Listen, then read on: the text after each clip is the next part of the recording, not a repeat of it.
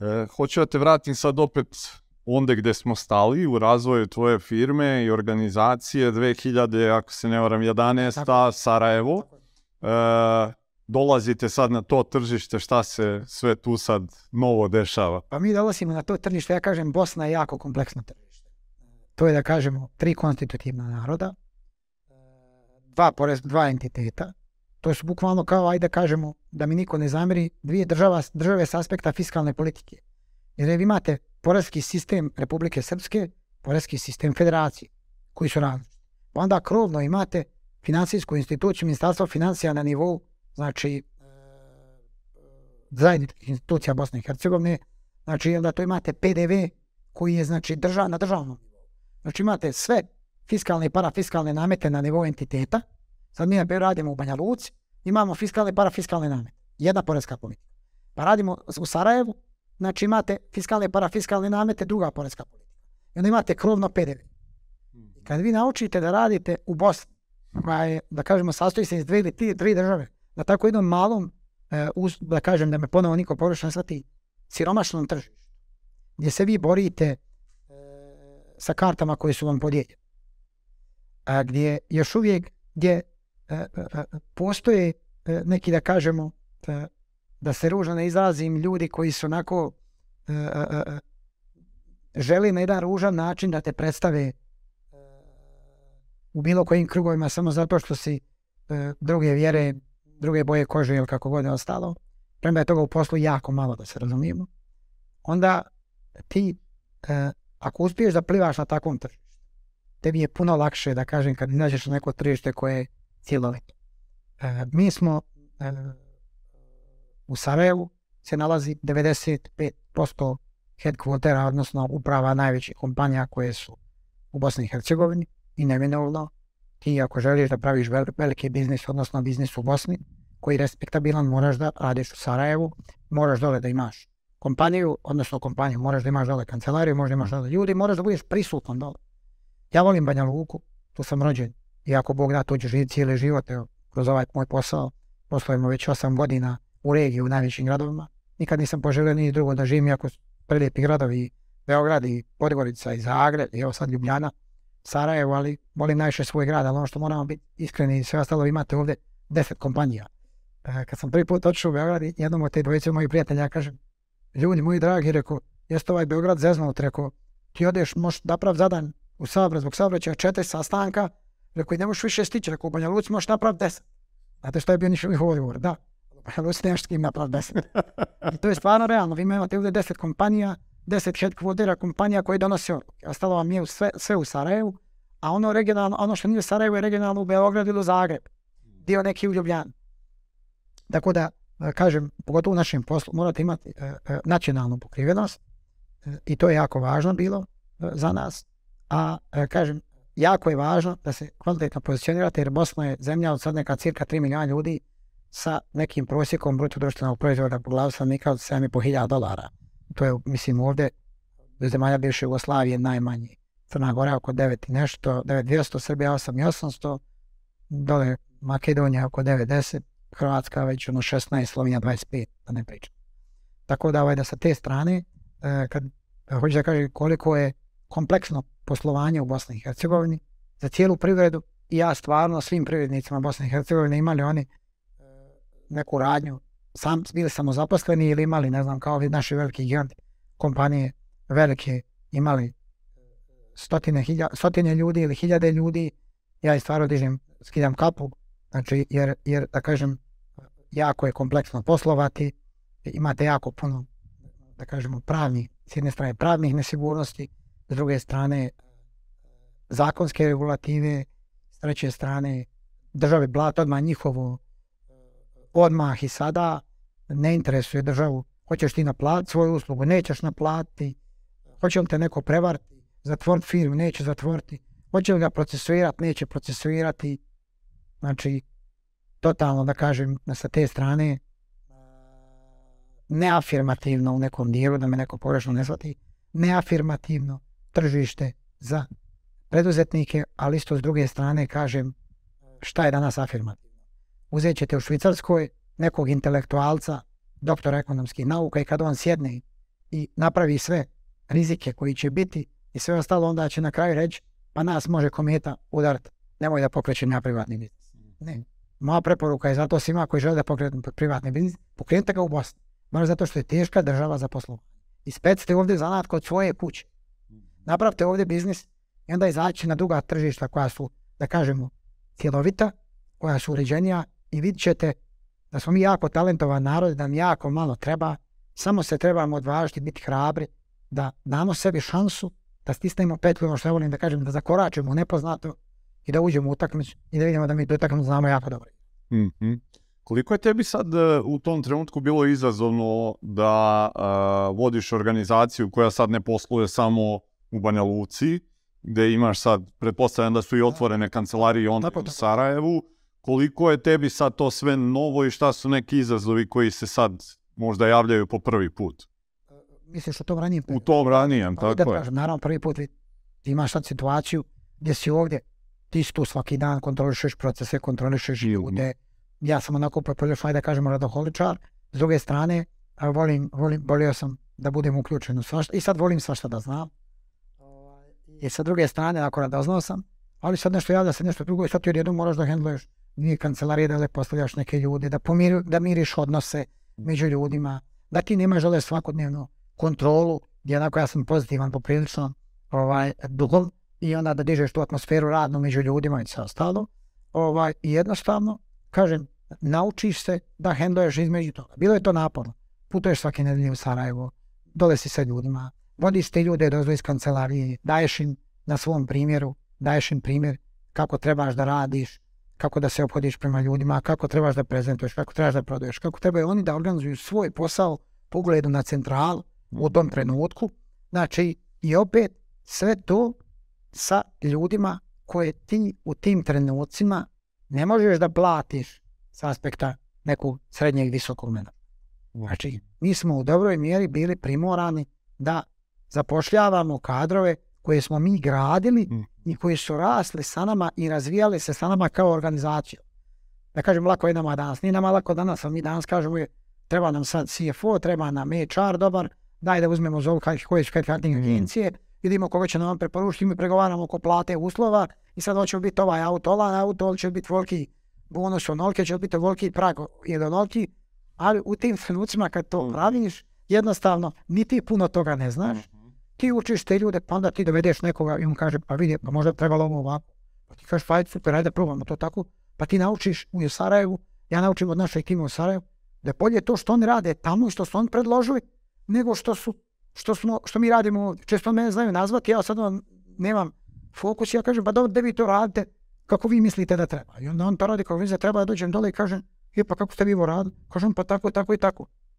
Kako vi naši Banja Luci rade? Drugačije, puno bolje.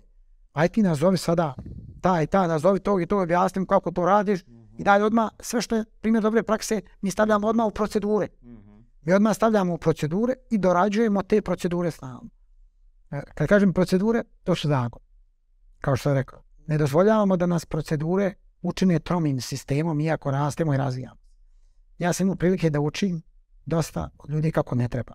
Dosta sam, kažem, ponavljam i sam griješio, ali onako šta je naša neka poslovna vizija je da mi rastemo naravno na tržištu kao na otvorenom moru, da smo iz nekog malog čančića rasli, rasli, postajali gliser, jahta, tanker, tanker. Kad sad neki zaleti se neki gliser na nas, da se odbije od nas, da upadam patriot jer smo mi taki. Ali mi dalje moramo imati onu fleksibilnost da se na otvorenom moru okrenemo kao gliser. To je suština i to je ono na čim mi stalno radimo, znači na produktivnosti, na ubrzanju procesa unutar naše firme i da ono što ja volim da kažem, da sve odluke donosimo jako brzo. Jer moramo donositi odluke, moramo i griješiti. Ali sada mi guramo pod tepih određene stvari, da ne donosimo određene odluke, da se bojimo rizika. Svaki dan se rađa nešto novo. I onda sve što si ostavio juče za danas, danas te čeka to od juče i čeka te ovo danas. Pa ti tako ostavi 70, 15 dana mjesec. To je more svega i to je domino efekt koji vuče jedan drugog i onda tu usporava razvoj, postaješ trom i onda ulazimo u one situacije ko, ko to nije uradio, ko to jeste uradio i sve ostalo ne.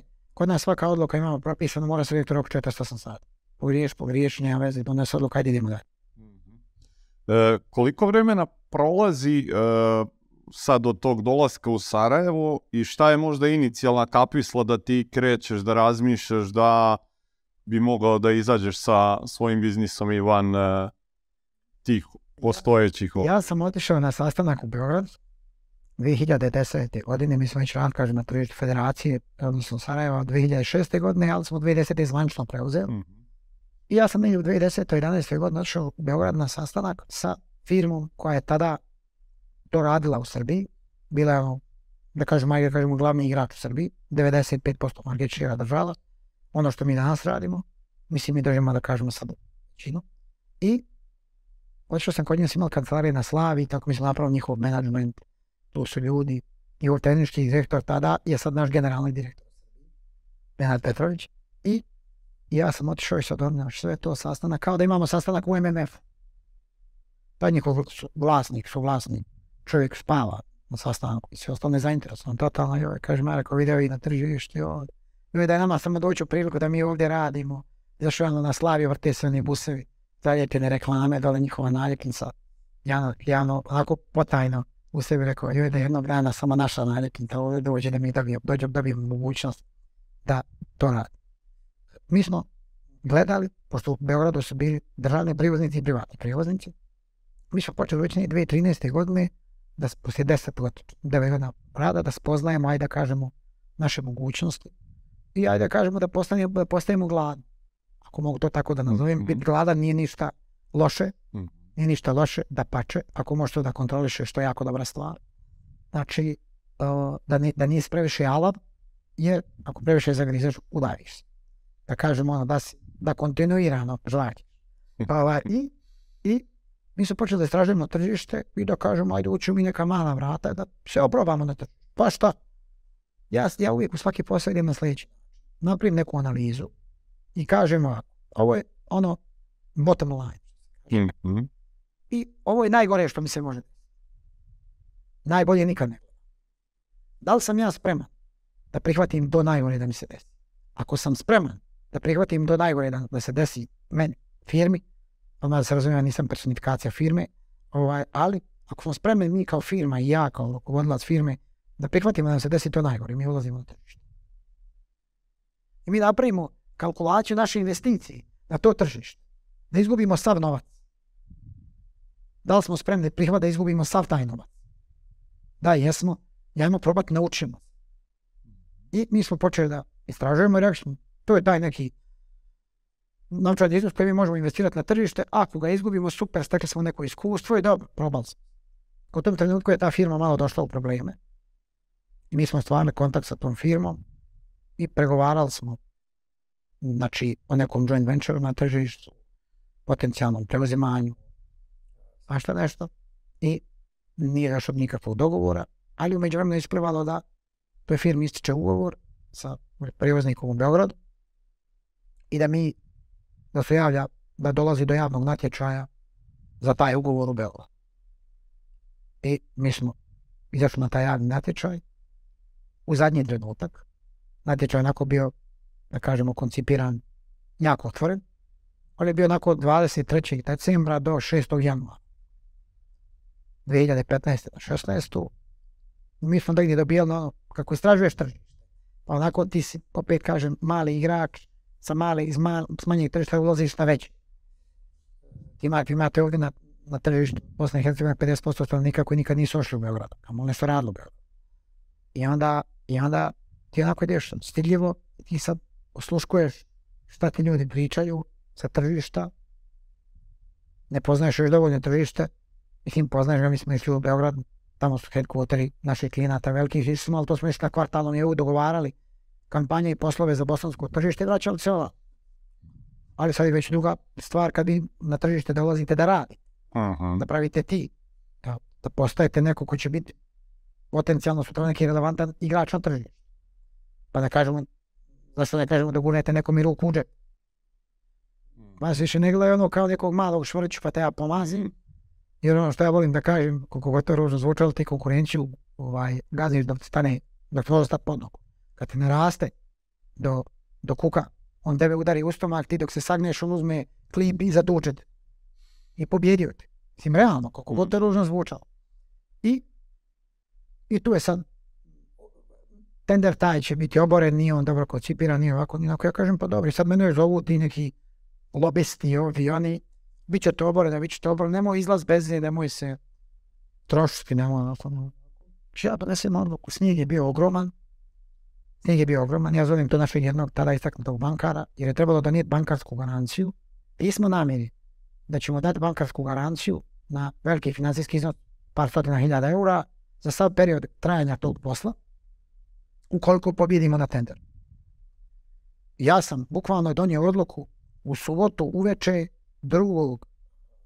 januara u 6, pola 7, 7 sam donio odluku da ću mi pak utorak ujutro se u 9 zatvora da ću mi izaći na taj tender.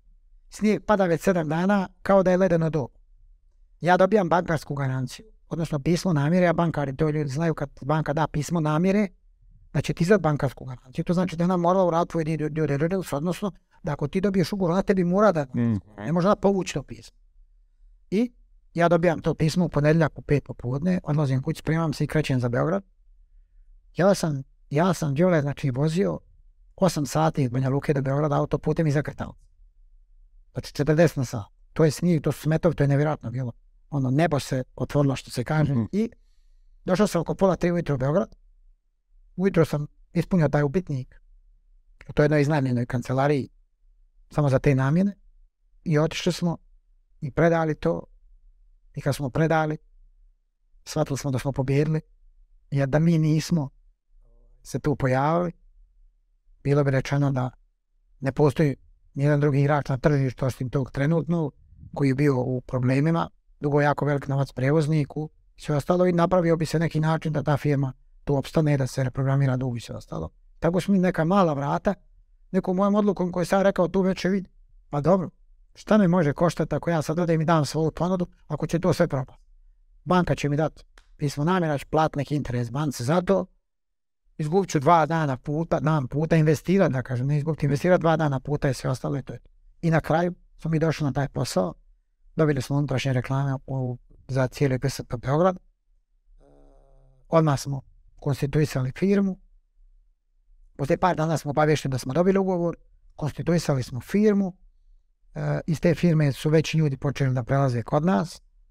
Te druge firme, naravno da smo menadžment morali, menadžment koji je loše vodio tu firmu, ipak mi nismo nju flašno akvizirali, ali da smo je akvizirali, vraćam se na onaj početak, svoj sa trenerom iz Švicarske i da smo je akvizirali, morali bi menadžment malo da istumbamo.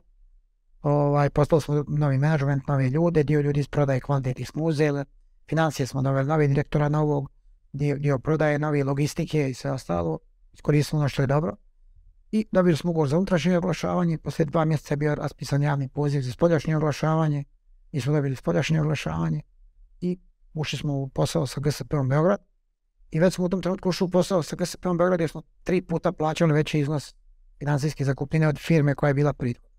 Ne trebam, ne spominjem sad ko firma koja nije plaćala dvije godine i dolazi nova firma koja baš nije tako poželjna, bila, bila poželjna da pobjedi.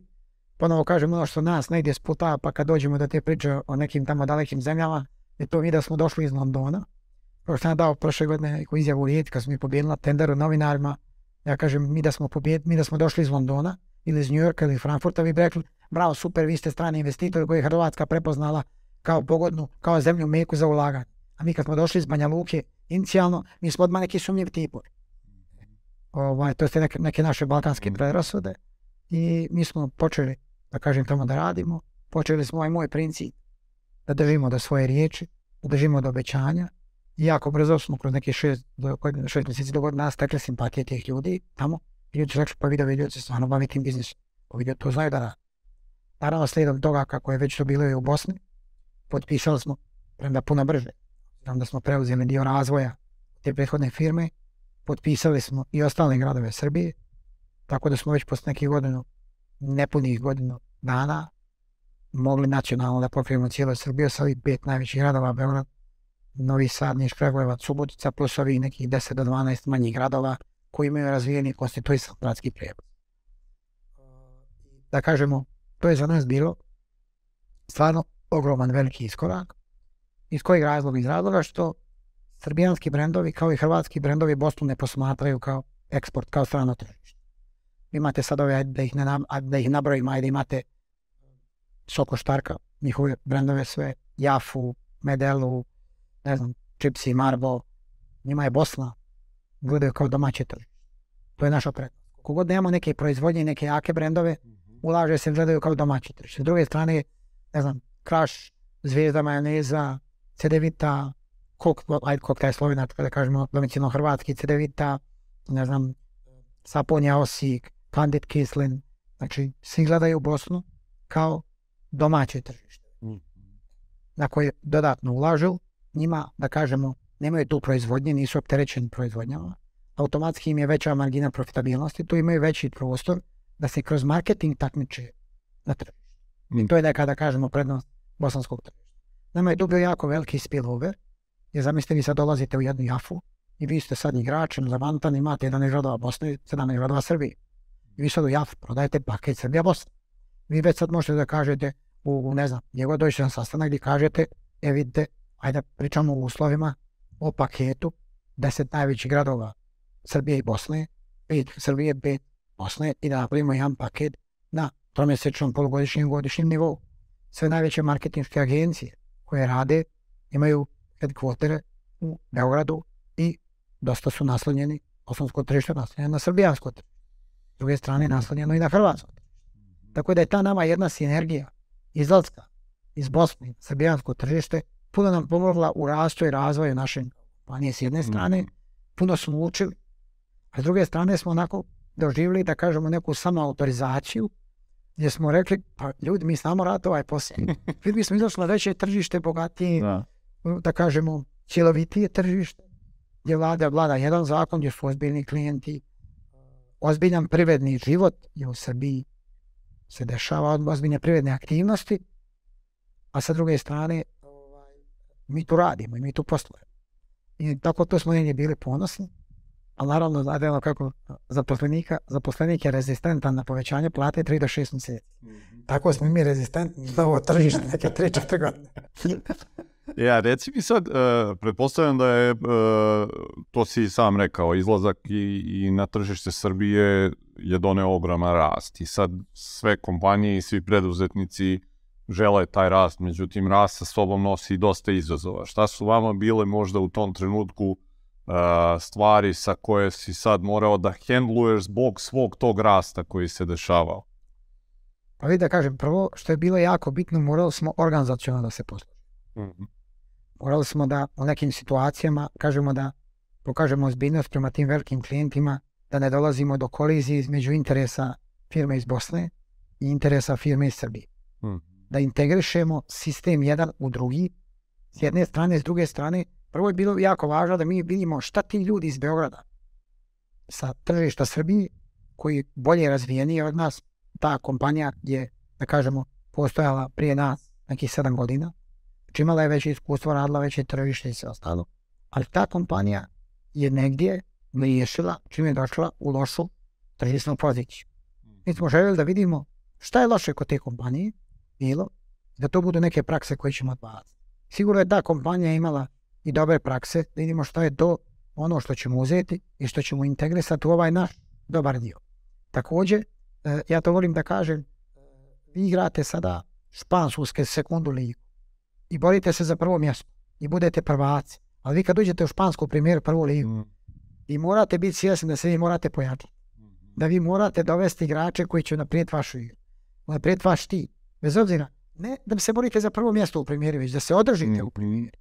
Jednostavno vi kad dovedete te igrače, vi ćete učiniti one postojeće da budu bolji. Zato smo mi otprilike gledali, znači prvo da dobro izanaliziramo taj menadžment koji smo naslijedili, da vidimo ko je za koju poziciju relevantan, da, da ponovim još jednom da integrišemo ovaj sistem ovamo i da napravimo jednu zajedničku cjelovitu ponudu da pomirimo ta dva. Ono što, kaže, postoji sukob uvijek između prodaje i marketinga, ja uvijek ostavljam da među našim firmama, među prodajama, rezultatima, ostalo da oni uvijek malo da postoji neko travi. Zašto? Jer ako oni svi, da kažemo, on dišu jednim plućima, ali ako oni svi e, sjednu između sebe pa se dogovore, onda ovaj, nema pozitivne utakmice među. I, I tu smo negdje gledali da pomirimo i taj dio, da Srbija prodaje kvalitetno svoje tržište, da Bosna prodaje svoje tržište, da imaju mogućnost upliva jedni na tržište drugih ali da opet sačuvamo tu pozitivnu utakmicu među. Sa druge strane, mi smo došli sa tržišta Bosne i Hercegovine gdje smo imali 20, 250 voznih jedinica u svim ovim gradovima. Na tržište Srbije, prvo Beograda, koji ima 1281 voza. Da. I ti onda dođeš, ne znam, ima šest garaža, Karaburma, Novi Beograd i sve ostalo, pa imate tramvaje, pa imate trolejbuse, pa imate različite dijelove gradova. Onda mi u Bosni napravite kampanju sa jednom, dva vozila oslikana, Beograd morate uzeti 5, 6, 7, 8, 10. Pa smo onda tu imali naslijedili smo lošu, da kažemo, komercijalnu politiku koju smo morali da ispravljamo dugi niz godina. Pa smo naslijedili jednu lošu korporativnu politiku da ti kao da nekom, kao da ti, e, ono što sam rekao na početku, nice to have i must to have. To jeste nice to have. A nice to have je imati Rolex. Mm. Tako. Ako želiš da ga imaš, moraš ga platiti. Tako isto. Naš medij, naše oglašavanje nije za svakoga. Ali moraš da znaš da mi imamo ulazne troškove. Prije naši troškovi prema GSP u Beograd su 700.000 eura godišnji. Vozila se ne vozila naša reklama, mi smo plaćali GSP u Beograd 700.000 eura. Mi u regiji preko 2,5 milijuna eura plaćamo samo prevoznicima za kupninu Mm. u regiji. Sad, je li to e, nešto što je opipljivo? Je to, to je naš građevinski materijal na stoku. To su naše zalihe u skladištu. Ta vozila. I ti moraš napraviti sistem da kvalitetno upravljaš zalihama i da upravljaš kvalitetno tom imovinom. Da investiraš u tu imovinu, da investiraš s druge strane ovaj sav dio koji ti omogućava da isporučiš jedan finalni proizvod i to smo se mi odlučili da onda integrišemo tržišta, na primjer proizvodnju štampariju koju imamo, da štamparija isporučuje folio sa jednog mjesta centralizovano za što više tržišta, da bismo imali kontrolu kvalitet pod kontrolom, da bismo s druge strane imali znači same nabavke mašina i repromaterijala centralizovano, Mhm. da bismo s druge strane i repromaterijale i boje sve nabavke mogli da kolektujemo na jedno mjesto i da samim tim to držimo pod kontrolom i cjenovno da bismo mogli da stvaramo tu neku razliku u profitabilnosti, u margini koja nam omogućava rast i razvoj. To su bilo jak, bile nama jako važne stvari, a opet s druge strane, ja znam kad smo izlaz postoga na, na tržište Crne Gore, imaš jednu smiošalo u Crnu Goru, ja vam produže ružno reći, to je dole fantastičan narod i, ja sam izlaskom na to tržište, pa, pa, mi smo izlaskom na to tržište, promijenio sam totalno ja percepciju o Crnogorcima kao narod. Kao jednom ponosnom narodu i sve sam promijenio percepciju. Za mene je Crna Gora bilo u Budvi frizura ona izbrijana ovdje, ovoliki biceps, triceps, tetovaža i glava do. To je sve osim to. Ovaj, ali smo mi, da kažem ono, kad dolaziš nekog već, većeg tržišta i sve ostalo, puno to, da kažem, shvatiš, ajde mogu reći manje ozbiljno, već onako, e, bude nešto što se podrazumijeva i onda to lakše uradiš, a onda shvatiš, pa i da si ovo što je veći shvatio tako i to, to tako lako, lakše uradio, ne bi se toliko, da kažemo, napinio oko toga i ne bi imao takve strahove, znači i toliko se borio sa donošenjem određenih odluka da ne bi nešto upropastio. Znači, jer nama je, i da ne bi negdje otežao sebi razvoj, nama je, kaže, svo to iskustvo iz regije pomoglo sada da mi izlazimo tržište koje je veće od, svi ovi naši tržišta zajedno, finansijski, i mi nemamo ni sekunde jedne strahova kakvi smo imali kad smo iz Bosne izlazili na srbijansko. Mhm. Ni sekunde jedne strahova. Mhm. I to je neko iskustvo koje jednostavno tebi ne može niko ispričati.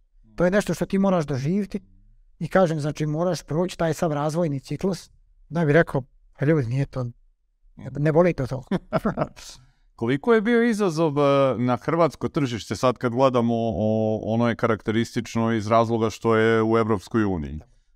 Kad uporediš sad izlaske, ajde da kažemo Srbiju i Crnu Goru a, i usporedba ovamo Hrvatske, je li bilo nešto različito osim da kažemo samo eto tih možda nekih regulativa zakonskih i svega? Pa bilo je svakako da vam kažeš što se tiče e, samog tržišta, ekonomije, biznisa.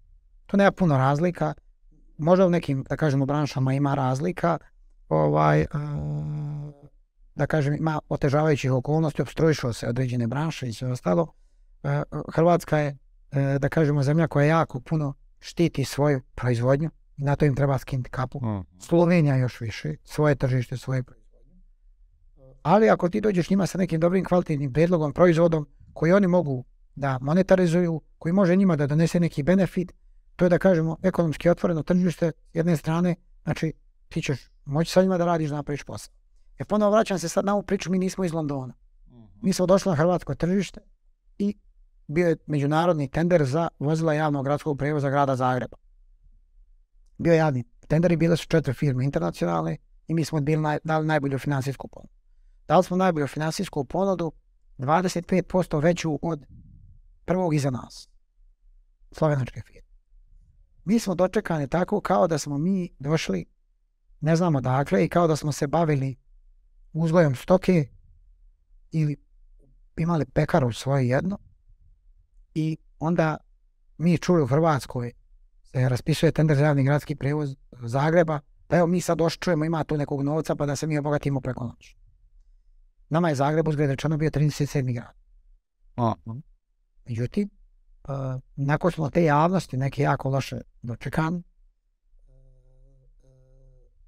počeli smo onako da nas politički povezuju i to već dvije godine je do, došlo do smjene gradonačelnika i koliko god smo mi odskočili napravili jako ozbiljne financijske rezultate. U Hrvatskoj je ono što mi prodajemo u regionu, u Hrvatskoj to prodajemo sa cijenom puta dva i po i oni kažu pa je to povoljno. Veća kupovna moć, kažem GDP Hrvatska 16, 17, 17 hiljada dolara u odnosu na naš neki provozijek ovamo, da kažem u ovoj cefti koji je nekih 8 hiljada, 8 i pol, ovaj, veća kupovna moć, ali sa, sa druge strane, znači, tržište kao tržište, kompanije, klijenti su nas prihvatili savršeno, marketinške agencije i sve, sa ove imamo strane javnost, je, da kažemo, dio politike neke i ostalo, kao da smo mi tu zagađivači nekog vazduha u Hrvatskoj, mi smo njima oduzeli njihovu plavu boju tramvaja, e, pa mi smo ovakvi, pa mi smo onakvi, pa jedna jako ružna, ružna nama iskustvo, koje i sad u jednom dijelu živimo, ali ovaj, nas to ne interesuje.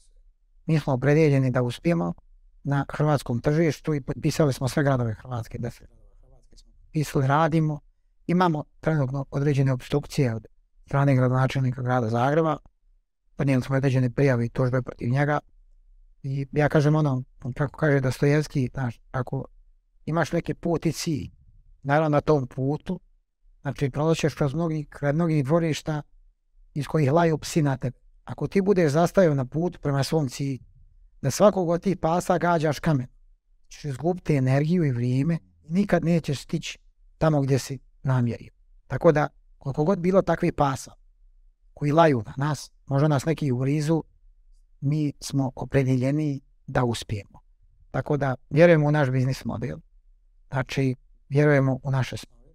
Vjerujemo u ono što smo sve zacrtali, da će biti 2025. tu, hoće li to sad biti 2026. 2027. Tu je i onaj faktor sreće, šta će se posložiti, kako će se posložiti, ali da ćemo osta- odustati od nekih naših zamisli, nećemo nikako. Ja ono volim da kažem kao, ponovo se vraćam na Braveheart kao vojskovođa, kao ono Mel Gibson. Ja ne idem u bitku na osnovu sile koja me prati, već na osnovu svetinje koju brani.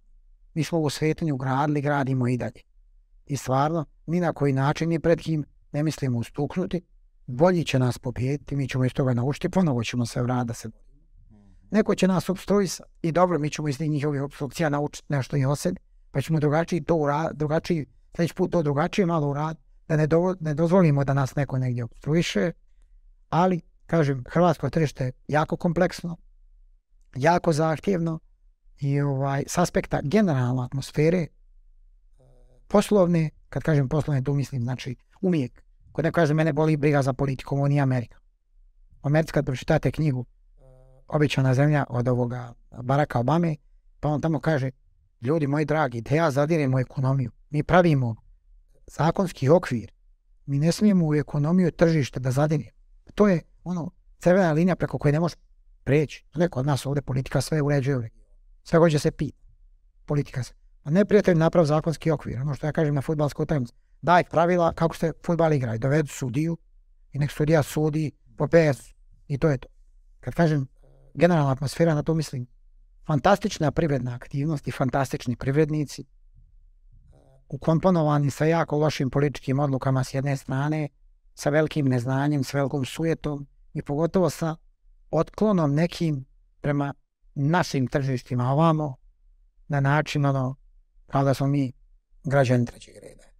Ponovo kažem, ne ekonomija, Mhm. ali čitav taj, da kažemo, jedan poslo, poslovni ekosistem koji čini, nažalost, ekonomiju. Kad se ekonomija izvadila, izvadila van toga, ona bi bila, dobila ocjenu za desetku i hrvatski privrednici i sve ostalo ocjenu za deset. Iz naše Mhm. E, neki tvoji utisci što se tržišta Slovenije tiče, Pa Slovenci su onako specifični, Slovenci drže između sebe i ostalo sve, ali mi kad kažemo Slovenci, nema to više puno domicilnih Slovenaca. Mhm. Tako da ono, mi imamo jednu, ovdje jednu priču kod nas kad je bilo posle rata, da se niko požno kaže ne uvredi, kaže dođe glamo, čovjek izbjeglica iz Glamoča, dođe u Banja Luku i uhvati čovjeka na ulici i kaže prijatelju, znaš li ti gdje je opština? A im pokažeš, kažu, što će ti opština? Kaže, aj ti meni prijatelj sam pokaži gdje, gdje mi je opština, gdje je opština, tamo je moj rođo, a teba ako nešto treba, aj sa mnom u opštinu da ti ja riješim. e tako je u Sloveniji jako puno već naših ljudi, dobrih i kvalitetnih, pomjera se tim tržištima, rade, razvijaju se. Mi smo već kao kompanija koja radi 19 godina u regionu, negdje prepoznati ljudi znaju za nas. Danas na kraju krajeva ono, i da nemamo internet, ne možemo istražiti sve, u pet telefonskih poziva saznaš ko, s kim, gdje, kako radi i sve ostalo, imate bonitetne kuće, onda Mhm. pogledate i bilanse i to nemate sad bonitetne kuće, ono što je prije bilo, ovaj Mhm. falšira za ovog izvještaja, sve imate. BND, na primjer, koji je u regionu, to je bis, bis, Mhm. kod nas BND američki, uđete na platformu njihovu, pogledate, vidite krvnu sliku kompanije i kažete pa vidovi ljudi mogu da plate to što kod nas nude da rade i mogu da, da plate. Nama je, naš posao je s jedne strane, znači što ljudi znaju. Potpisujemo ugovore s prevoznicima i zakupljujemo oglasni prostor na spoljašnjosti i unutrašnjosti vozila gradskog prevoza puno za prazno. Zakupljujemo cijeli vozni park, znači busevi, tramvaji, trolejbusi, metroji u gradovima u kojima puno za prazno i marketinški ih eksploatišemo. Dakle, u trenutku kad mi potpišemo da se vratim na početak, ova 2,5 milijuna eura mi dugujemo, mi smo 2,5 milijuna Mhm. eura u minusu. Potencijal je veliki od ta 2,5 milijuna eura da ti njih prodaš, da ih monetarizuješ, da izgubiš neki novac, da zaradiš, ali kad to negdje izvažeš, mora da bude što se kaže ovaj, pekšil dole u zelenu. Ako da, da kažemo, ovaj slovenačko tržište je dosta onako zakonski jako uređeno. S jedne strane, s druge strane ima jako puno naših privrednika. I ono što je nama pomoglo na hrvatskom tržištu, kažem, ponovo kao i na srbijanskom. Hrvatskom tržištu, hrvatske kompanije smo prodavali cijelu regiju. Sad dosta hrvatskih kompanija postoje, posloje na slovenačkom tržištu. Mi kad radimo sa jednom Atlantic grupom, kad radimo sa Mercatorom u Hrvatskoj, kad radimo sa Gavrilovićem u Hrvatskoj, kad radimo sa Zvijezdom Majonezom u Hrvatskoj, kad radimo sa, e, ne znam, radimo naprijed već sa e, Knopersom, Mercijem direktno slovenačkim, kad radimo sa Gorenjem u Hrvatskoj, svim tim kompanijama, sa tim kompanijama ćemo već raditi na slovenačkom tržištu. Plus sa lokalnim kompanijama koje pokrivaju samo slovenačko tržište. Mhm. Ok. E, spominjali smo već ovaj, nekoliko puta to e, novo tržište koje ovaj, nije u regionu. Pa evo možda da, da, da ga sad i otkrijemo. Koje, kako je uopće došlo do, do e, ideje ili šta je bio neki podsticaj da ti kažeš e, mi smo sad spremni da, da odemo tamo. Pa eto možda malo ukratko priča i o tome. Pa vidi, znaš, ako već par godina je jedan, da kažemo, u našem biznisu kao i u svakom biznisu postoje relevantni svjetski igrači. I neki od tih svjetskih igrača već razgovaraju sa nama o nekoj akviziciji, imamo potpisane neke memorandume i sve ostalo. Međutim, ja kao da kažem neki tu lider koji u dobroj mjeri učestvuje i presjeca donošenje takvih nekih odluka, nisam bio još uvijek spreman jer mi nismo postigli, da kažemo, naš, što kaže ono kao kad je najbolje da prodaš kompaniju, Mhm. onda kad je na vrhu. Aj sad ko će mi reći kad je? Jer uvijek mislim evo još malo, evo još malo, još malo, još malo. I onda to još malo izduvaš. E, e onda mi smo rekli, da kažemo s jedne strane, napravili smo neku stabilnost kompanije i onda smo rekli ne moramo da prodajemo pod svaku cijenu. U ovim nekim sada, u zadnjih godinu dana što imamo, smo imali neke, da kažemo, e, sitne izazove, sitne izazove na hrvatskom i srbijanskom tržištu, po pitanju regulative neke novih gradonačelnika Beograda i Zagreba. Bilo bi dobro da smo imali stranu kompaniju, jer se ne bi prema nama tako mogli ponašati kao stranom investitoru. Strani investitori su kod nas zaštićeni kao bijeli medvjed. Da je kompanija koja je vlasništvo, koja je vlasnik e, od nas htjela da akvizira u nekom dijelu, znači u iz Holandije, onda on zovne ambasador, ambasador zovne i kaže šta izmišljaš ti regulativu koja nigdje ne postoji. To je taj neki princip zaštite, koja nažalost nama treba na našem Ja kažem, ja sam ponosan na Makedonce. Znate zašto? Kad ulazite u Makedoniju, vi imate posebno trak za makedonske državljane. Znate? Nisam vidio da imamo na Bajakovu traku za srbijanske državljane ili u Bosni traku za bosanske državljane. Tako. Ovi imaju Evropsku uniju i sve ostalo. Makedonci imaju traku za svoje države. Dajte stavite vi traku za naše. Dajte da se bar u svojim zemljama, znači ovdje nekim osjećamo mi kao važni. Znači građani, privrednici, bilo što. E, i šta smo počeli razgovarati? Oko novog tržišta. Da, e, bravo. I, I mi smo tu, da kažem, e, počeli otprilike, bravo, taj igrač je otprilike počeo da razgovara sa mnom. I mi kažemo, dok mi zaokružimo cijeli neki proces, znaš, onda ćemo mi negdje te 2025. biti spremni da kažemo, e sad možemo da zaokružimo nekim brandom koji imamo i sve ostalo da to bude da to bude cijeli paket, mi mi to razgovarali o iznosima financijskim i tako nešto. Ali da vidimo, napravili smo neki raspon financijski. Ako mi isporučimo to i to, pričamo od tog i tog financijskog iznosa. I imamo kolika je, koliki je raspon, da kažemo taj o kojem financijskom pričamo, iznosu vrijednosti naše kompanije od do ako se postigne određeni cilje. I mi sad kažemo sljedeće. Dolazim, dobijam ja poziv 2020. 21. godine da ja stvarno volim tržište, volim generalno Dubai kao grad. Ovaj, jednako ja generalno volim druge kulture da istražujem malo da vidim šta to čine, ljude čini različite. Zašto ljudi donose oko iste stvari drugačije odluke? Kakva je ta njegova perspektiva i što on to vidi bolje od mene ili ja bolje od njega?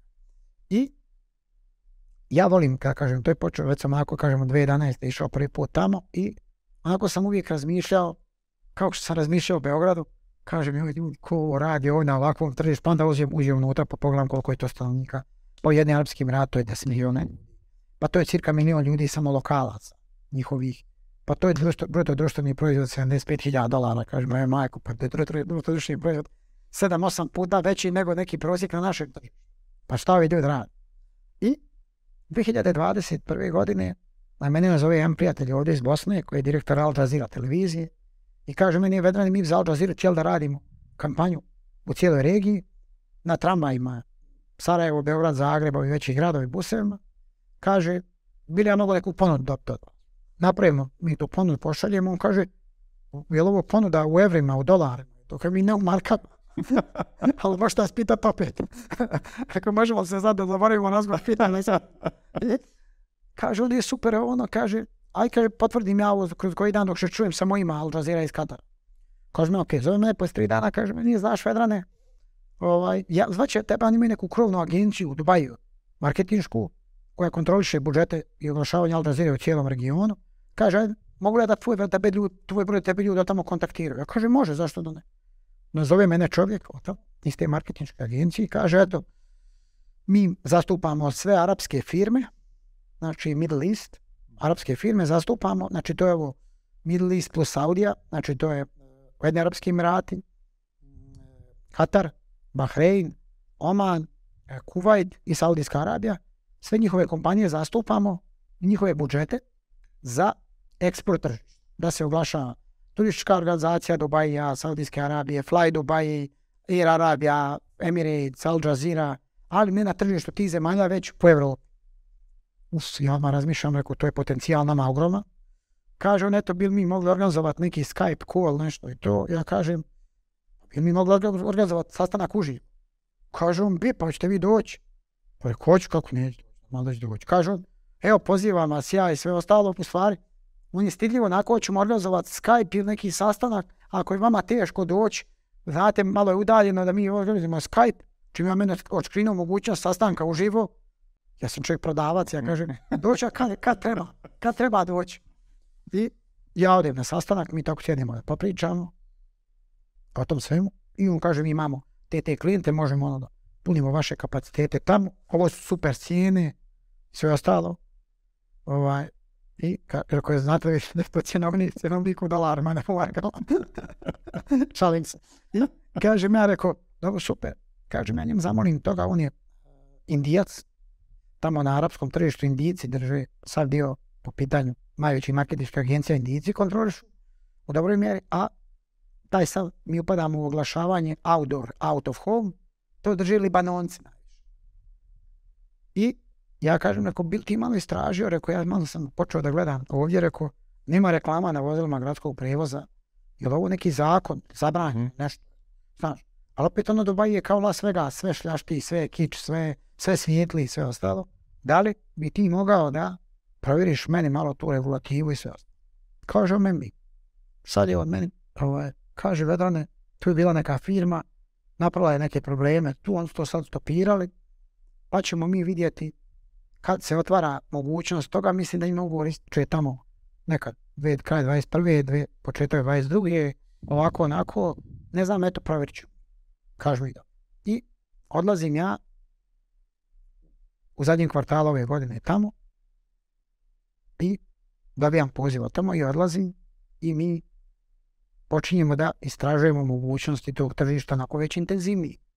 Jer mi smo u veđu vremen 2021. godine, mi unutar vozila imamo svjetleće reklame, kao city lightove, ali smo 2020. 2019. 2020. naš direktor iz Beograda, Nenad, onako inženjer, ovaj, ma- da kažem, elektrotehnike, jako je dosta orijentan na razvoj, prethodno je firmi vodio razvoj.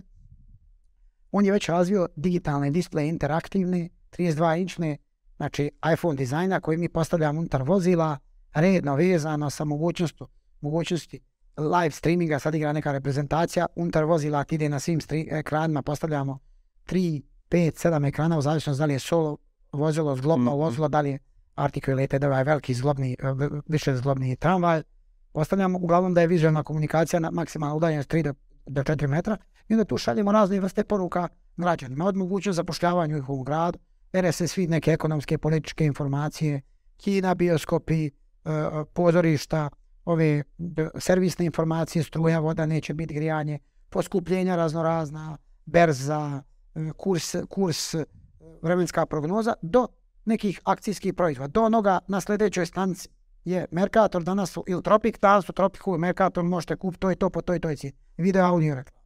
I to je jedna jako, jako, onako, jako onako sofisticirana i napredna tehnologija.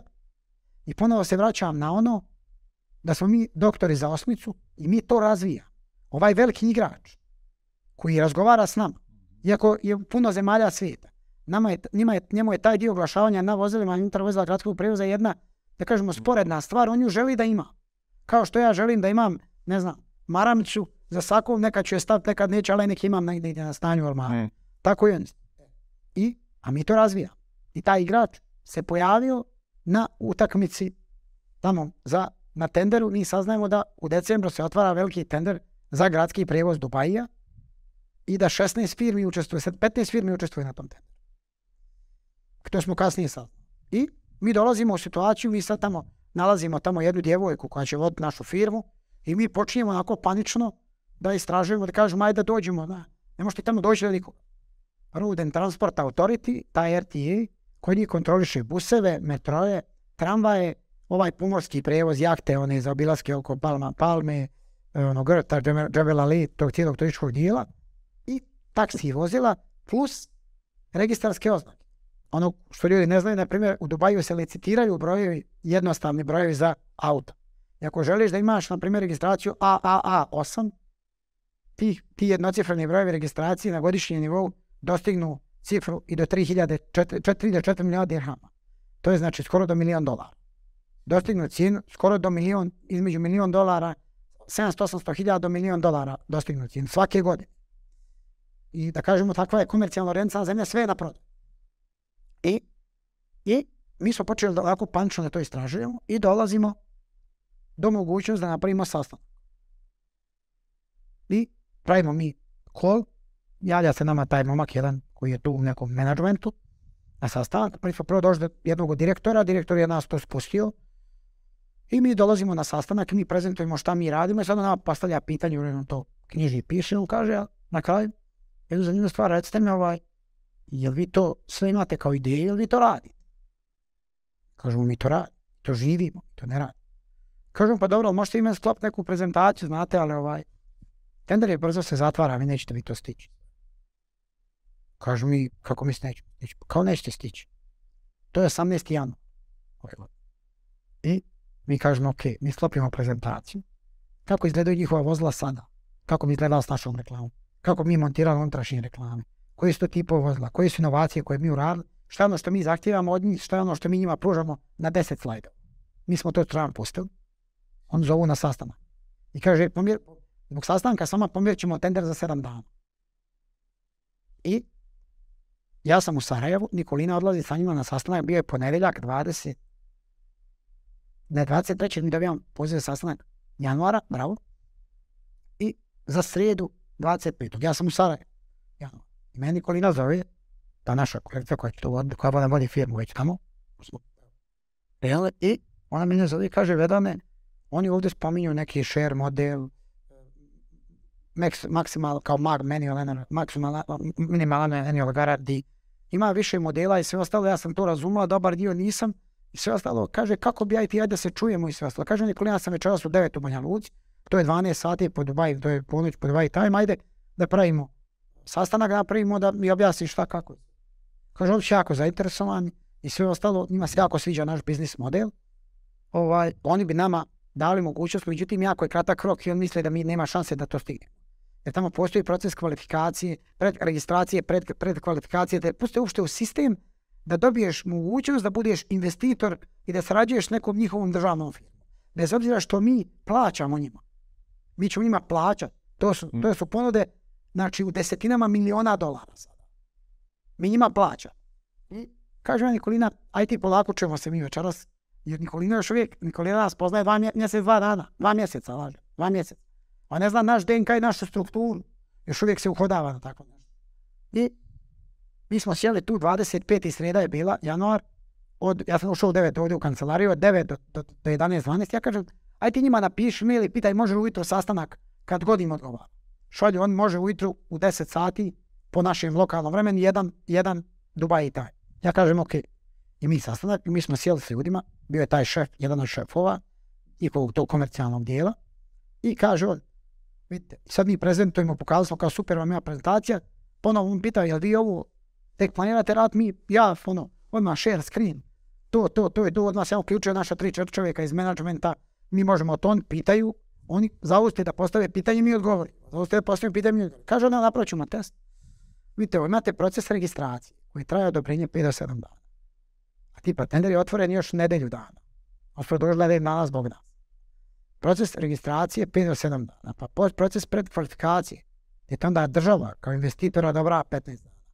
Pa onda poslije toga ideš bankarske garancije, uplaćuješ depozit, bankarsku garanciju za ozbiljnost ponde, nastavljaš sve to naravno prevedeno zvančno na engleski i sve ostalo. I, i dok njima taj novac legne, ti izvadiš bankarsku garanciju, sve to završiš još ozbiljno ogromni iznos, to je minimalno 7. I onda on tebi, a sve to radiš online na aplikaciju njihovu. Nema da ja tebi šaljem mail, ti me odgovaraš mailom i sve ostalo. Možemo se mi pitati, postavljati pitanja, ali sve moraš uploadovat kao zvančan dokument. I ako ti oni, on to, ti uploaduješ, pogleda njihova stručna služba i onda ti klikne zeleno da je to to što si... Ako ti klikne crveno i odbijete, to tebi ne objašnjava što te odbije. Već ti onda zovi tamo, moli njih u komercijalni sektor, jel to, nije to i ostalo sve. Jer ti ako dostaviš neki financijski dokument, on tebe odbije, odbije te financije. A ti zoveš vamo komercijalu i kažeš, aj molim te, pitaj tamo zašto su nas otpustili, što još trebamo uraditi. A to je sve u jako kratkom vremenskom roku sajta. I mi Kaže mi, pa šta trebamo mi uraditi? Ajde testiraj. Kaže, evo 25 dokumenta, imate 3 dana da skupite ovi 10. Kaže mi, super. Mi skupimo 23 dokumenta u roku 24 sata. Baš Kaže on, i sve zeleno. Kaže on, nije povedi normalno. Dajte mi vam, kaže on, kaže mi, šta, ću, šta je sad daj sljedeći, za ova dva dokumenta će biti u, roku naroda 24 sata. Kaže on, stavno ovo ljudi skupio po mjesec dana. Kaže, dobro, pa dajte sljedeći. Kaže on, pa ja bi mogli napisati nam to sve, šta? On nama daju pitanja koja, koja mi odgovorimo, našu viziju razvoj, kako ćemo, kako ćemo imovinu, kako ćemo imovinu uložiti unutra, kako ćemo integrisati u njihov sistem, kako ćemo, dobro, pa oni raspisuju vozila, ali on kaže, kako ćeš ti ubijeti nas? Da je nama dobro, da mi tebi damo, da mi sad ovo pitanje. Ja tebi tražim da ti meni platiš par miliona dolara mm za ništa. Ali kako ćeš ti mene ubijeti da ja tebi dozvolim dozvolim da mi uđemo u ovaj posao. Jer meni taj novac ne treba. Mi imamo jako puno novca. Meni taj novac ne treba. Pogotovo što 30% cijene finalnog vodovanja čini financijska ponda. a 70% čini ekspertiza. Ja sam sad prilike, prilikom zadnjih putovanja shvatio zašto je to tako, zašto su oni imali dobavljača jednog, koji ih je za tri godine im je uzeo 40 miliona eura i pobjegao, ovaj, i, a oni su ono, kao mi smo komercijala ispregovarala, legal zaključio, financije isfakturisale, a niko se nije bavio sa tim je naplaćen. Kao za njih je fakturisan novac naplaćen, e, e, realizovan, za nas je novac onaj koji je na računu naplaćen realizovan. I zato su oni sad napravili tako jedan rigidan javni poziv, internacionalni, i pozvali su svakog živog ko se bavi outdoor oglašavanjem, koji je veliki igrač i koji ima određeni prihod, preko toliko i toliko ima margina, da ne može, znači, ispod prometa toliko i toliko godišnjeg ne može da učestvuje. Ispod, prom, ispod prometa konsultovano ispod 10 miliona dolara ne može, doći, ne može imati mogućnost da učestvuješ na I mi kažemo, ok, mi učitamo to sve, kaže on, nešto ćemo mi kao sjesti između nas, vidjet ćemo pa da vidimo šta ćemo i kako ćemo. Javio je nama, vidite ovo, zadovoljili ste? Sad mi ono, mi ti damo mail kao šta smo zadovoljili. Mi čekamo da nam ono release, kao da nam svaki, step, svaki korak nam sistem oslobađa. Nam kaže, evo, sve vam je, sve četiri koraka smo uključavamo, skupljate finalne dokumente, učestvujete u ponudi i dajete svoj finalnu ponudu. Mislim, to je ovdje bila, bila narodna veselje, mi još nismo ništa osvojili, dobijeli nikakvo, ali to je veselje narod. I onda mi skupljamo ponude, idemo korak po korak i taj proces kvalifikacije i diskvalifikacije traje. I mi ulazimo i kaže se zadnja četiri će podijeliti imovinu jer je više toga se biduje na tenderu vozila gradskog prijevoza, baš shelters, odnosno ovi autobuska stajališta koja je tamo jako futuristička, ima ih 700 i nešto po cijelom Dubaju. Onda e, City Lightovi, ovi upisi koji se digitalizuju, njih ima 500 i nešto i naming rights oni za svoje metro stanice, za bus stanice i sve ostalo prodaju prava za imenovanje. Da ti sad kažeš Samsung Bus Station i onda prodaješ svu imovinu koja se nalazi van te bus stanice, unutar te bus stanice i ostalo i uzglede to nije autobuska stanca u Banja Luci, Sarajevo do Beograda, to su space shuttle, da kažem. Mm-hmm. E, i to su ono stanice gdje imaš dnevnu fluktuaciju po 120-150 hiljada e, e, na, na, na nivou sata fluktuaciju po 120 130 do 150 hiljada ljudi u zavisnosti da li je bus, da li je tramvaj, da li je metro. I mi ulazimo, da kažem, u taj zadnji krug od četiri kompanije koji sad dijeli imovinu između sebe i ulazimo sad i već, da kažemo, sljedeći korak među dvije top kompanije koje dijele tu imovinu između sebe. A da kažemo, zadnji krug je ušla kompanija Malezije, kompanija lokalna iz Dubaja, kompanija iz Londona koja već postoje na tržištu Dubaja i mi je to. Hmm. Tako da, ovaj, da, uh, i sad, šta je vizija? Jedno jutro ponovo ja trčim. I trčim u Dubai Marinu kažem sljedeće. Obzirom da je taj veliki igrač ispao u prvom krugu i da njima to nije ništa, a nama jest. I sad okrećemo naš mindset.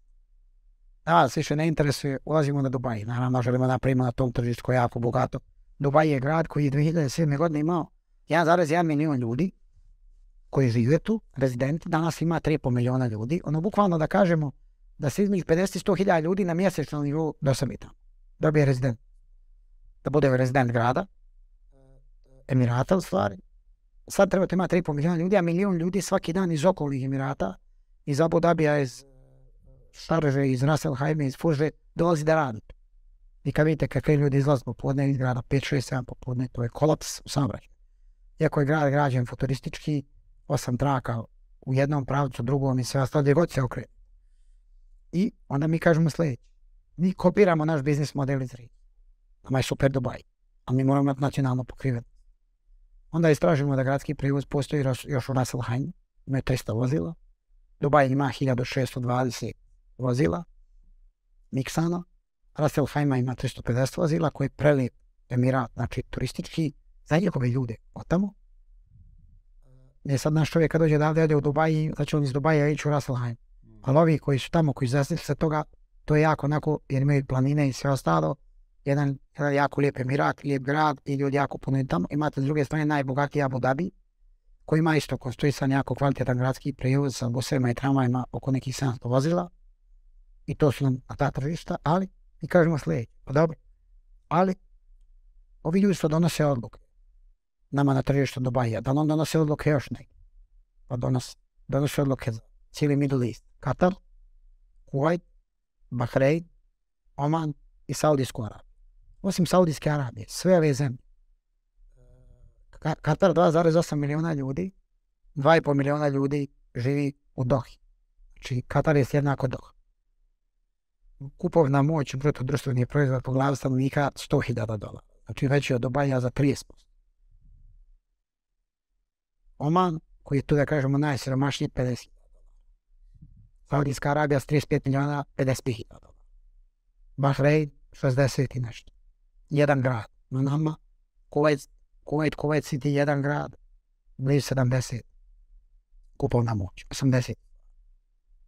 75% headquartera, odnosno e, menadžmenta kompanija koje kontrolišu budžete marketinške za velike kompanije globalne su u Dubaju smješteni. Dakle, kao što mi iz, odemo u Beograd pa dogovorim hipotetički Coca-Cola i za i za Zagreb, i za Split, i za Rijeku, i za Sarajevo, i za Banja Luku, Mostar, Mm, Beograd, i Sad, Niš, Krakovac, Podgoricu, Budru, Nikšić, sutra Skopje, tako dogovaramo, tako, tako, tako dogovorimo tamo u Dubaju i za, za sve te zemlje koji su mahom jedna, jedan grad je s jednako najvećim dijelom personifikacija za tu zemlju.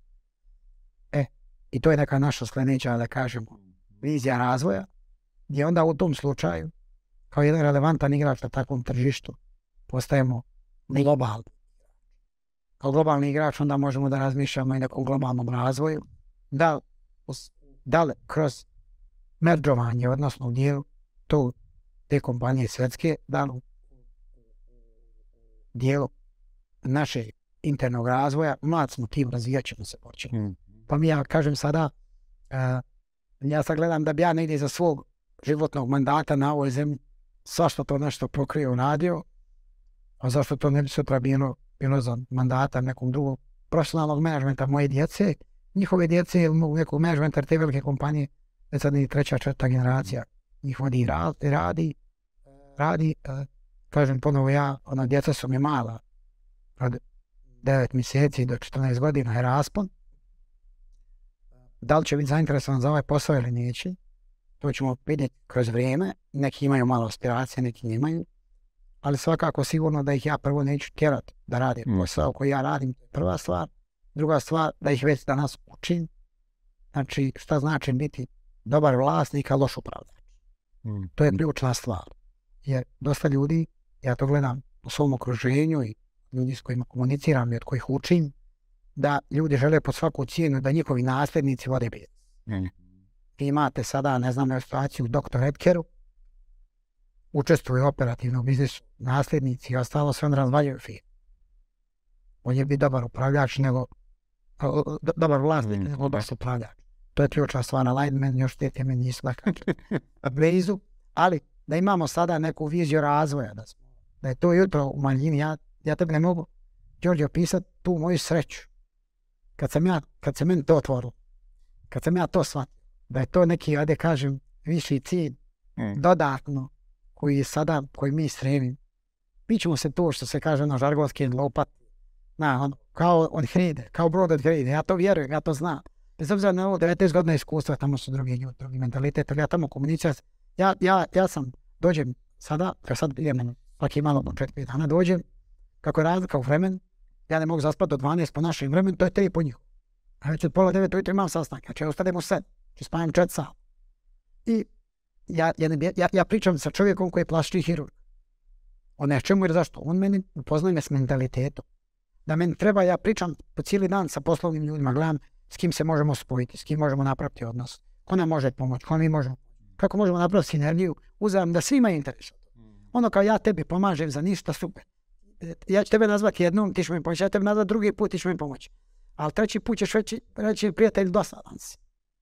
Ako mi napravimo neki e, uzajamni interes, taj interes kad kaže, kao ono kad kažeš nekom mi ako ti treba neka pomoć s ovime, on misli ako treba novca s ovime. Taj uzajamni interes ne mora biti u novcu, može biti u nekim drugim stvarima.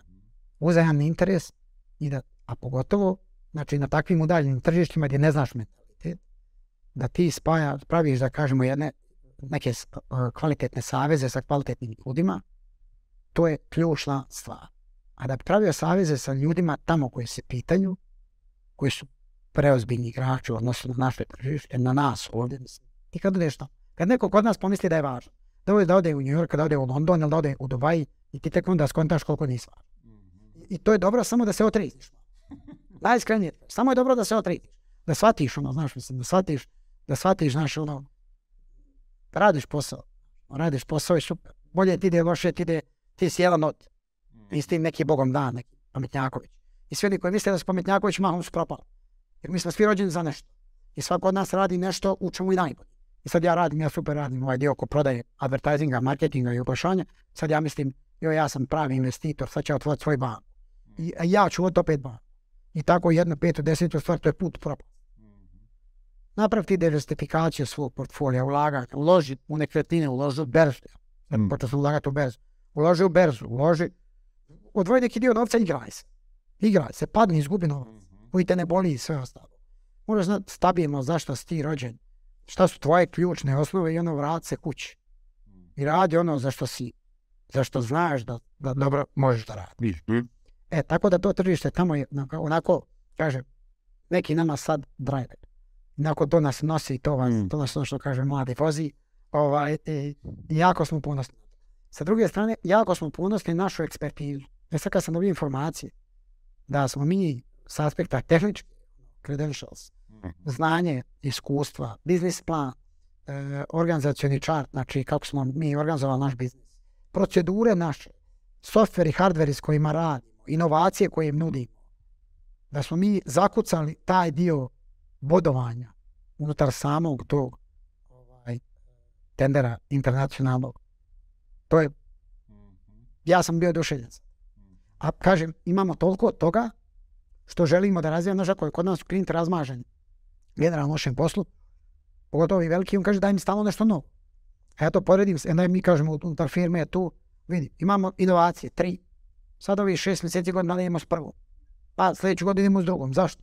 Pa klijenti su kao kad, kao kad dođeš u restoran, ne i u hotelu, i švedski stol. Ti sad na švedskom stolu ne znam, imaš. Šta sad najbolje jela? Najljepšu janjetinu, kavijar, ne znam, škampe, ne znam šta su već, ja, ja nisam neki gurman. Ovaj, I to ja to je to. I pomfrit ako ima sa strane i ono malo tartar sosa neko. Ovaj, I to je, ovaj, rukola, šeri, salati, sad ja nisam ni biftec, ni ovaj, ja to nisam, nisam jednostavno taj, ovaj, i slabo se razumijem u hranu. Ovaj, ali sad dođeš 12 najboljih jela i staviš mu na švedski sto. I on tri dana dolazi, bez ove što je to 12, on četiri dan pita ima li što novo. A kad ti njim svaki dan iznosiš po jedno najbolji, on četiri, pet dan kaže ljudi moji ovi kakao, obilje svega, po ovaj najbolji hotel, najbolji restoran, najbolja kuhinja i sve. To mi, to mi ovaj, radimo. E, s čim se to, nadovezuje se tema na temu, s čim se to, ono da kažemo, poklapa sa strategijom. Kad sam bio mlađi kao, pa ono to, idem na prvi sastanak i sad dođeš neku veliku firmu, pa čim sam bavi, ja se bavim sam strategijom. Kažem ja, kakav je ovo šupljak, kakav strategija. Znaš, to je još šupljande, bukvalno, tako rekao. A onda kad skontaš, kad operativnu grešku napraviš, ustaneš i ideš dalje. Od strateške greške možeš često da pomoći. Ja se volim na, našaliti, kažem, da je strateška greška je gdje ćeš usmjeriti Titanik. Da je čovjek usmjerio Titanik na drugu stranu.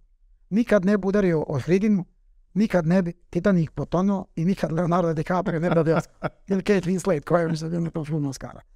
Tako da strateške odluke su kapitalne. Kapitalne.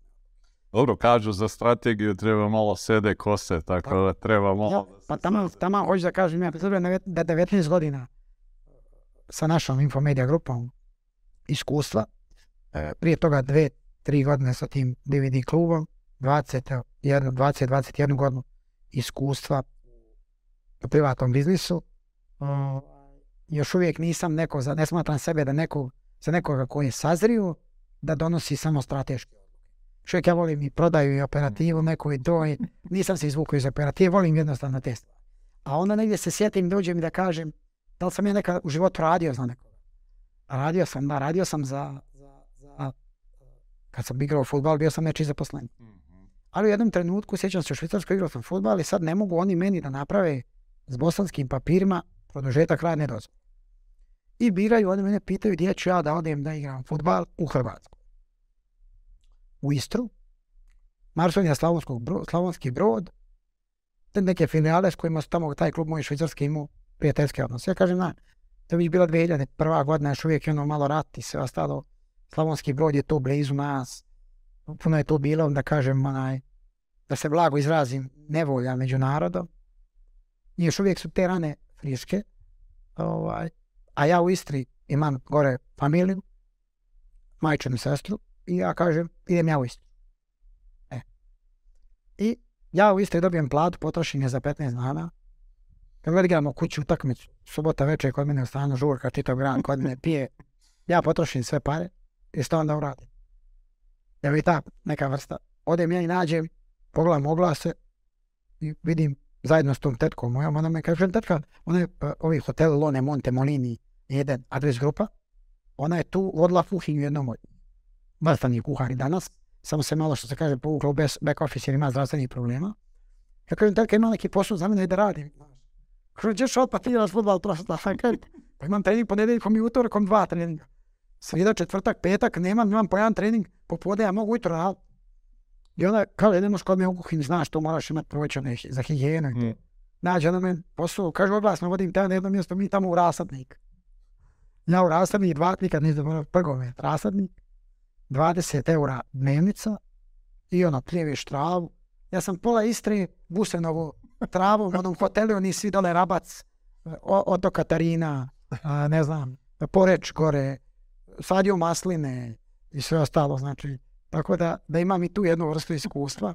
Sve zato, znaš da, mislim, potrošio sam novac, potrošio sam novac i, bože moj, ajde da ga zaradim na neki ovaj drugi način. Nisam se nikad u životu stidio ništa raditi. Zašto sam ono često govorio za ove trenere i ljude u život koji, kroz život koji ja mogu da kažem, da sad budem emotivan da kažem koji se ogriješio od mene, a s druge strane da kažem ne, oni su donosili odluke koji su najbolji za njihove karijere. U- Oni su smatrali da e, ja njima ne trebam kao njihov zaposlenik, igrač u timu, da bih doprinio boljim rezultatima tima i afirmisao kroz te bolje rezultate njihove karijere kao lidera tih timova futbalskih, odnosno preneseno u biznis lidera kompanije. Ja stvarno tim ljudima se moram zahvaliti. Šta bi ja u životu sve morao da uradim? Kakvu sreću morao da imam?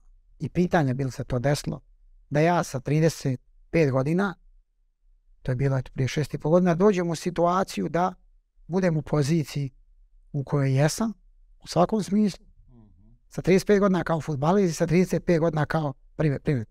Ja sam s 35 godina ovaj, e, ostvario, da kažem, puno ranije. Ja sam sa 26 godina sve zacrtao gdje ja želim ja da budem finansijski s 35, da bi se relaksirao od tog finansijskog pritiska i mogao raditi posao bez finansijskog pritiska. Ja sam to sve postavio cilj sa 26 i ostvario sam to s 29. Ovaj, najspreniji, najspreniji, najspreniji. Ili možda čak sa 25 da sam postavio cilj. E kažem, s tih 35 bi ja kao futbaler već bio na zalasku karijere Mhm. ako, ako sam imao sreće da nemam povrede i ostalo, jer već sa 30, poslije 30. godine ti ideš ono silaznom putanjem dolazi do zamora materijala, jer je to jako težak i mukotrpan posao. A sa druge strane, ti si jednostavno orijentan na jedan krug ljudi i tu nema jako puno razvoja i ono, ne, ne postoji onaj the big picture. To što ja kažem, Mm. naš management, skoro sam to Emiratima spominjao na sastanku, popneš se na prvi sprat pa vidiš pogled, pa na peti, pa na deseti, pa na vrh zgrade. E Ja želim da svi ljudi koji su kod nas u management stalno stoje na vrh zgrade i da imaš taj helikopterski pogled. E, mi ja sam s dva- 35, da kažemo, biznisu došao na neki nivo, zahvaljujući znači kompaniji mojoj i saradnicima unutar, unutar e, firme, našim klijentima, poslovnim partnerima i svojoj naravi. Zašto da to ne kažem naglas? Mhm. sebi koji sam takav kakav jesam i to svi treba da, da, da cijenimo sebe. Da ne trebaš ti da budeš bezobrazan, nadobudan, izvjesno najpametniji, to nikako. Trebaš da budeš jednostavan, ponizan, normalan, onda budeš svjestan svojih znanja, svojih vještina, svojih neznanja, znači i da jednostavno postaviš se na, na nivo u društvu na kojem jesi. I da cijeniš sebe, jer ako ti ne cijeniš sebe, sigurno će te neće cijeniti niko drugi.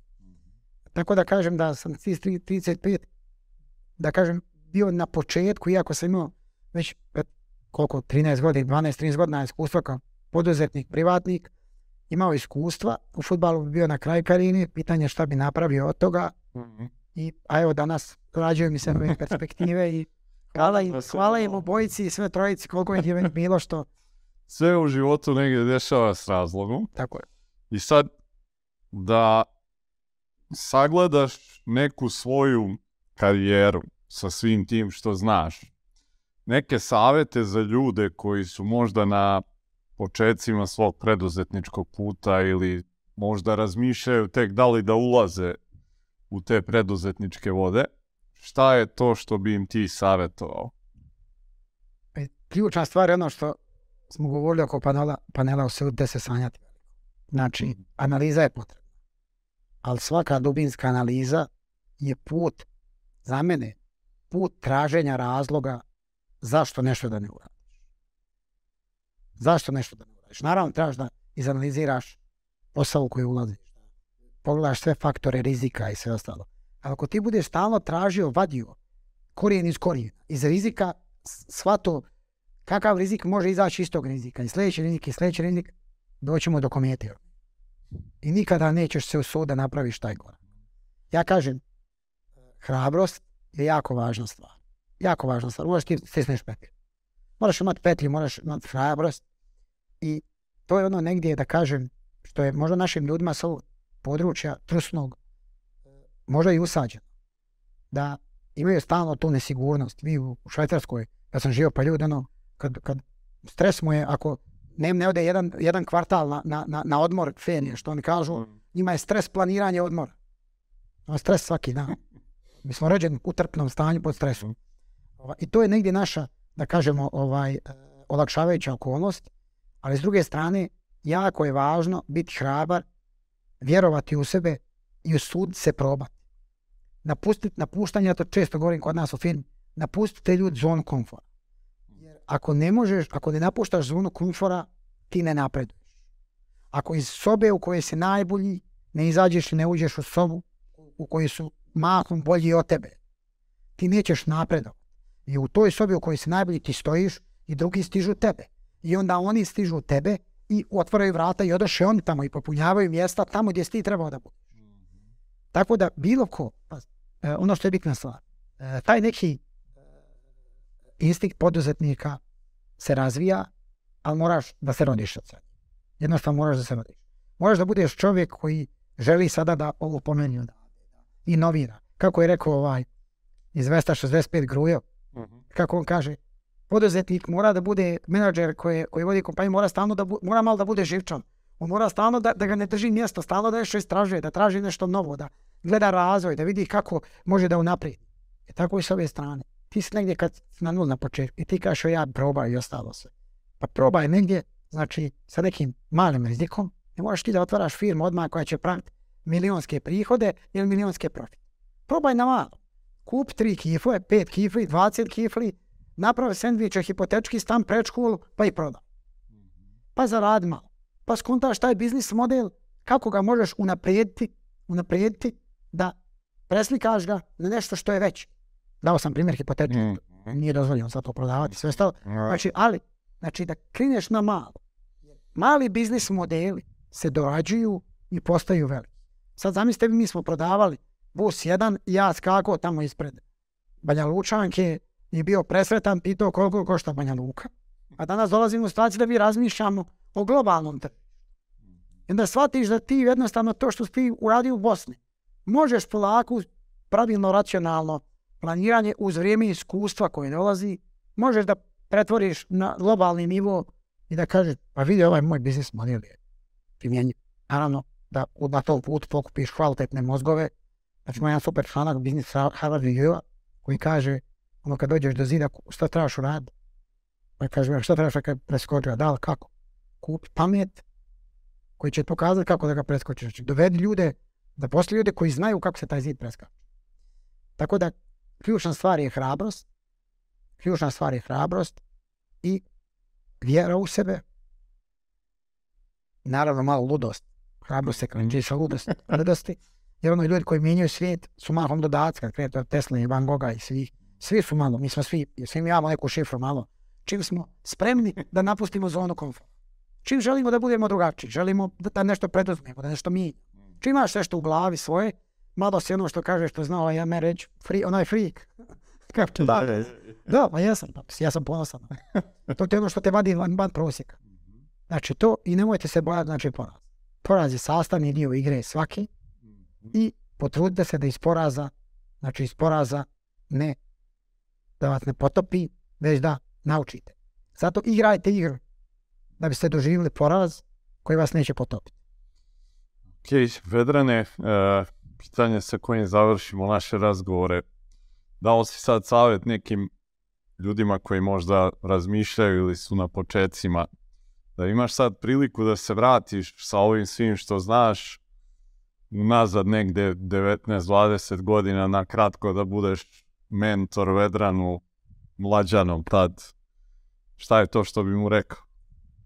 Definitivno znači, možda ću zvučati apsurdno poslije svega što sam ispričao, definitivno više vjere u sebe i više hrabrosti. Ja i dan danas u nekim situacijama, možda sad više ne, u zadnjih dvije godine poslije Hrvatske ne, a poslije izlaska na Hrvatsko tržište ne, jer sve to kod nas bila ajdova CEFTA regija, mi smo svi isti, Evropska unija, druga tržišta, pa onda potencijalne akvizicije, pa sad ova tržišta, sad ne, ne više, ali do za dvije godine, či, iako sad ljudi koji mene znaju, koji kažu kako on hoda kao Napoleon i sve ostalo, ovaj, on ima, njegov ego je do neba. Ovaj, ali ja sam često se preispitivao, nisam dovoljno vjerovao u sebe, u nekim odlukama nisam ih brzo donosio, nisam bio dovoljno hrabar i definitivno bi ovo rekao što sam malo prije poručio, da budem više hrabar i da više vjerujem u sebe. Znači i da počnem ranije, puno ranije da razmišljam znači kako napraviti neki poslovni model, jer toliko je, toliko vi sad uzmete ovo našli. Sad kad neko kaže, pa je pa to postoji, super, to postoji zato što smo mi to krenuli raditi. A znate vi koliko sada postoji stvari, koliko ima malih rudnika, biznis rudnika koji su zakopan malih ideja, koji možeš da malo zagrebiš i neko to radi dobro u Australiji. Pa zašto ti ne bi to počeo raditi, uopće da se kupio njega u Australiji. Za 15-20 godina, 50 To ono usudite se sanjati veliko.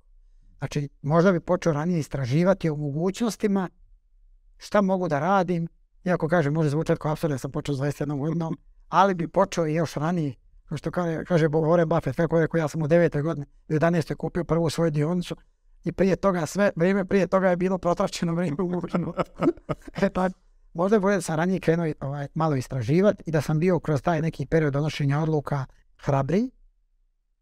I danas isto bih volio da sam hrabriji danas po pitanju naše širenja na tržišta kroz prizmu prikupljanja kapitala iz drugih izvora i financijskog zaduživanja. Mi se širimo iz sobstvenog kapitala. Znači, iz sobstvenog kapitala. Znači, ja bih volio, tek da sad razmišljam o tome, kad sam prije dva mjeseca sletio u Dubaji i stiže mi poruka na LinkedIn, ja pa ja nemam društvene mreže, imam samo LinkedIn, i dolazi mi od nekog neke investicionog fonda i tako i on mi kaže, eto Vedran, čuli smo mi da vi tu ste na tržištu, da pripremate se za start biznisa, pažljivo smo proučili vaš biznis model, gledali ovo, onog i sve ostalo. Želili smo da, da nam prezentujete vaš biznis model, jer mi želimo da investiramo u vašu kompaniju. Mi smo tržište, mi to nemamo gdje naučiti. Kako prikupiti novac? Meni treba sad novac za investiciju. Nama treba sad za tržište Emirata 50 milijuna eura. Kako će mi doći do 50 milijuna eura? Pa mi, banka će doći reći, pa dajte nama 150 milijuna eura imovine. Mm-hmm. A ako nećemo se, ako ćemo se razvijati sobstvenih sredstava, taj proces koji je 5 godina, nama sobstvenih sredstava treba 15 godina. A tržište nas ne može čekati 15 godina. Dakle, mi smo jako nerazvijeno tržište s aspekta, znači, investicioni banaka, da ti možeš da odeš negdje na projekat, dobiješ par miliona za razvoj na ideji, ono što su po Americi, da će neko reći po Americi popravile svoje banke, pa da, koliko je firmi razvijeno, koliko je novog novca generis. Tako je to u Emiratima, da kažem. Hoće ljudi da kažu da dođe da investiraju na projekat, mi smo bili na sastanku koji hoće da, da investiraju par desetina milijuna eura, da postanu dijelom udjela da dobiju u firmi koji mogu sutra da prodaju u određenom vremenskom periodu naprave izlaz da monetarizuju svoj novac, znači da, da, da kapitalizuju znači svoju investiciju, s druge strane da imaju veći prinos nego što imaju nekim drugim investicijama, te se takve stvari otvaraju na firme koje si ti izašao iz aviona. A gdje je to kod nas u regionu, to kod nas ne postoji. Da nama treba novac, sad ja kažem, je, ja napravimo prospekt naše firme, daj da se ulistamo na neku berzu, Mhm. ja sam spreman da prodam 40% firme ovdje u regiji da bi skupio novac da se idemo širiti na druga tržišta. Ta- I to je način prikupljanja novca. Ne, ne kažem da ljudi skupe milijone, milijarde, desetine, stotine milijana ideje. Ne pričam na uhodan biznis. I e, sad ja vas pitam. Naš biznis model sa puno kapitala iza nas je primjenjiv na tržište Amerike od 360 milijuna ljudi i GDP per capita od 40 i nešto milijuna e, hiljada dolara. Pa jes naravno. Jes naravno. Samo nama treba novac da mi izađemo na takvo tržište, da imamo financijsku moć, da financiramo prevoznike u Chicagu, u Yorku, ne znam, u Bostonu, u ovim svim gradovima. Istraživali smo 30 i nešto gradova, ima najveći koji imaju interes od East do West Coast. I mi nemamo tu mogućnost, tu smo mi sakačeni sve ostalo. A isto ka, ali kažem se, to nam ne, ne, ne smeta da se širimo, ono pačim koracima koliko možemo i kako možemo. E tu bi još volio malo da sam više otvoreniji, ali radim na tome. Skoro sam, pošto sam ovaj, u nekoj biznis školi dodatno još sada, stalno se edukujem i to je sve, ovaj, pa u biznis školi sad kaže, taj profesor, da ga ne imenujem, kaže, sad ja stalno nešto ono, imam neke negativne komentare po pitanju banaka, ba, bankara, ono, kaže vidi se da vedom ne uli kredite. Dakle, oni zavrtanje ruku kod kredita. Ok, Vedrane, e, hvala ti puno stvarno na, na ovoj podeljenoj životnoj priči i životnoj i poslovnoj. Kapa dole do poda zaista za sve ono što si napravio u prethodnih 20 godina. Res je jedan, napravili smo. Napravili ste. Naravno, ništa ono što smo rekli se ne dešava bez tima. Ti si neko ko je na čelu samo i neko ko je pokrenuo celu tu priču. I želim vam da, da sve ove neke snove koje ste dosanjali i ove koje sad sebi postavljate, ostvarite pa da Bože zdravlje jednog dana, eto i te gradove po Americi i tako negde bude negde dole u dnu, negde i ime tvoje firme. Hvala ti puno, hvala ti puno, Đole, i, i ovaj, drago mi je što sam uspio, da kažem, pratim tvoj serijal još jednom. Jako puno kvalitetnih savjeta, ideja sam čuo, rješenja za svoj posao od ljudi. Svi gosti su stvarno fantastični, svako nosi, da kažem, neku svoju težinu i drago mi je da sam ja imao priliku da kažem, ako ću samo da kažem ovim svojim ovaj, izlaganjem, tako ga nazovem, postaći jednog čovjeka da uđe u preduzetničke vode, ja ću smatrati da je ovaj naš razgovor uspio i još jednom kažem, ovaj, poručujem svim gledalcima, usudite se sanjati velike snove, jer ja sam onako najkartarniji primjerak da velike snove možeš uvijek da sanjaš, ako ih jako. Eto, mislim da je to sjajna rečenica da završimo ovaj naš razgovor. Hvala vam, hvala tebi, hvala celom timu ovdje na gostoprimstvu. Hvala i vama što ste bili sa nama, pa vidimo se sljedeće nedelje. Prijatno.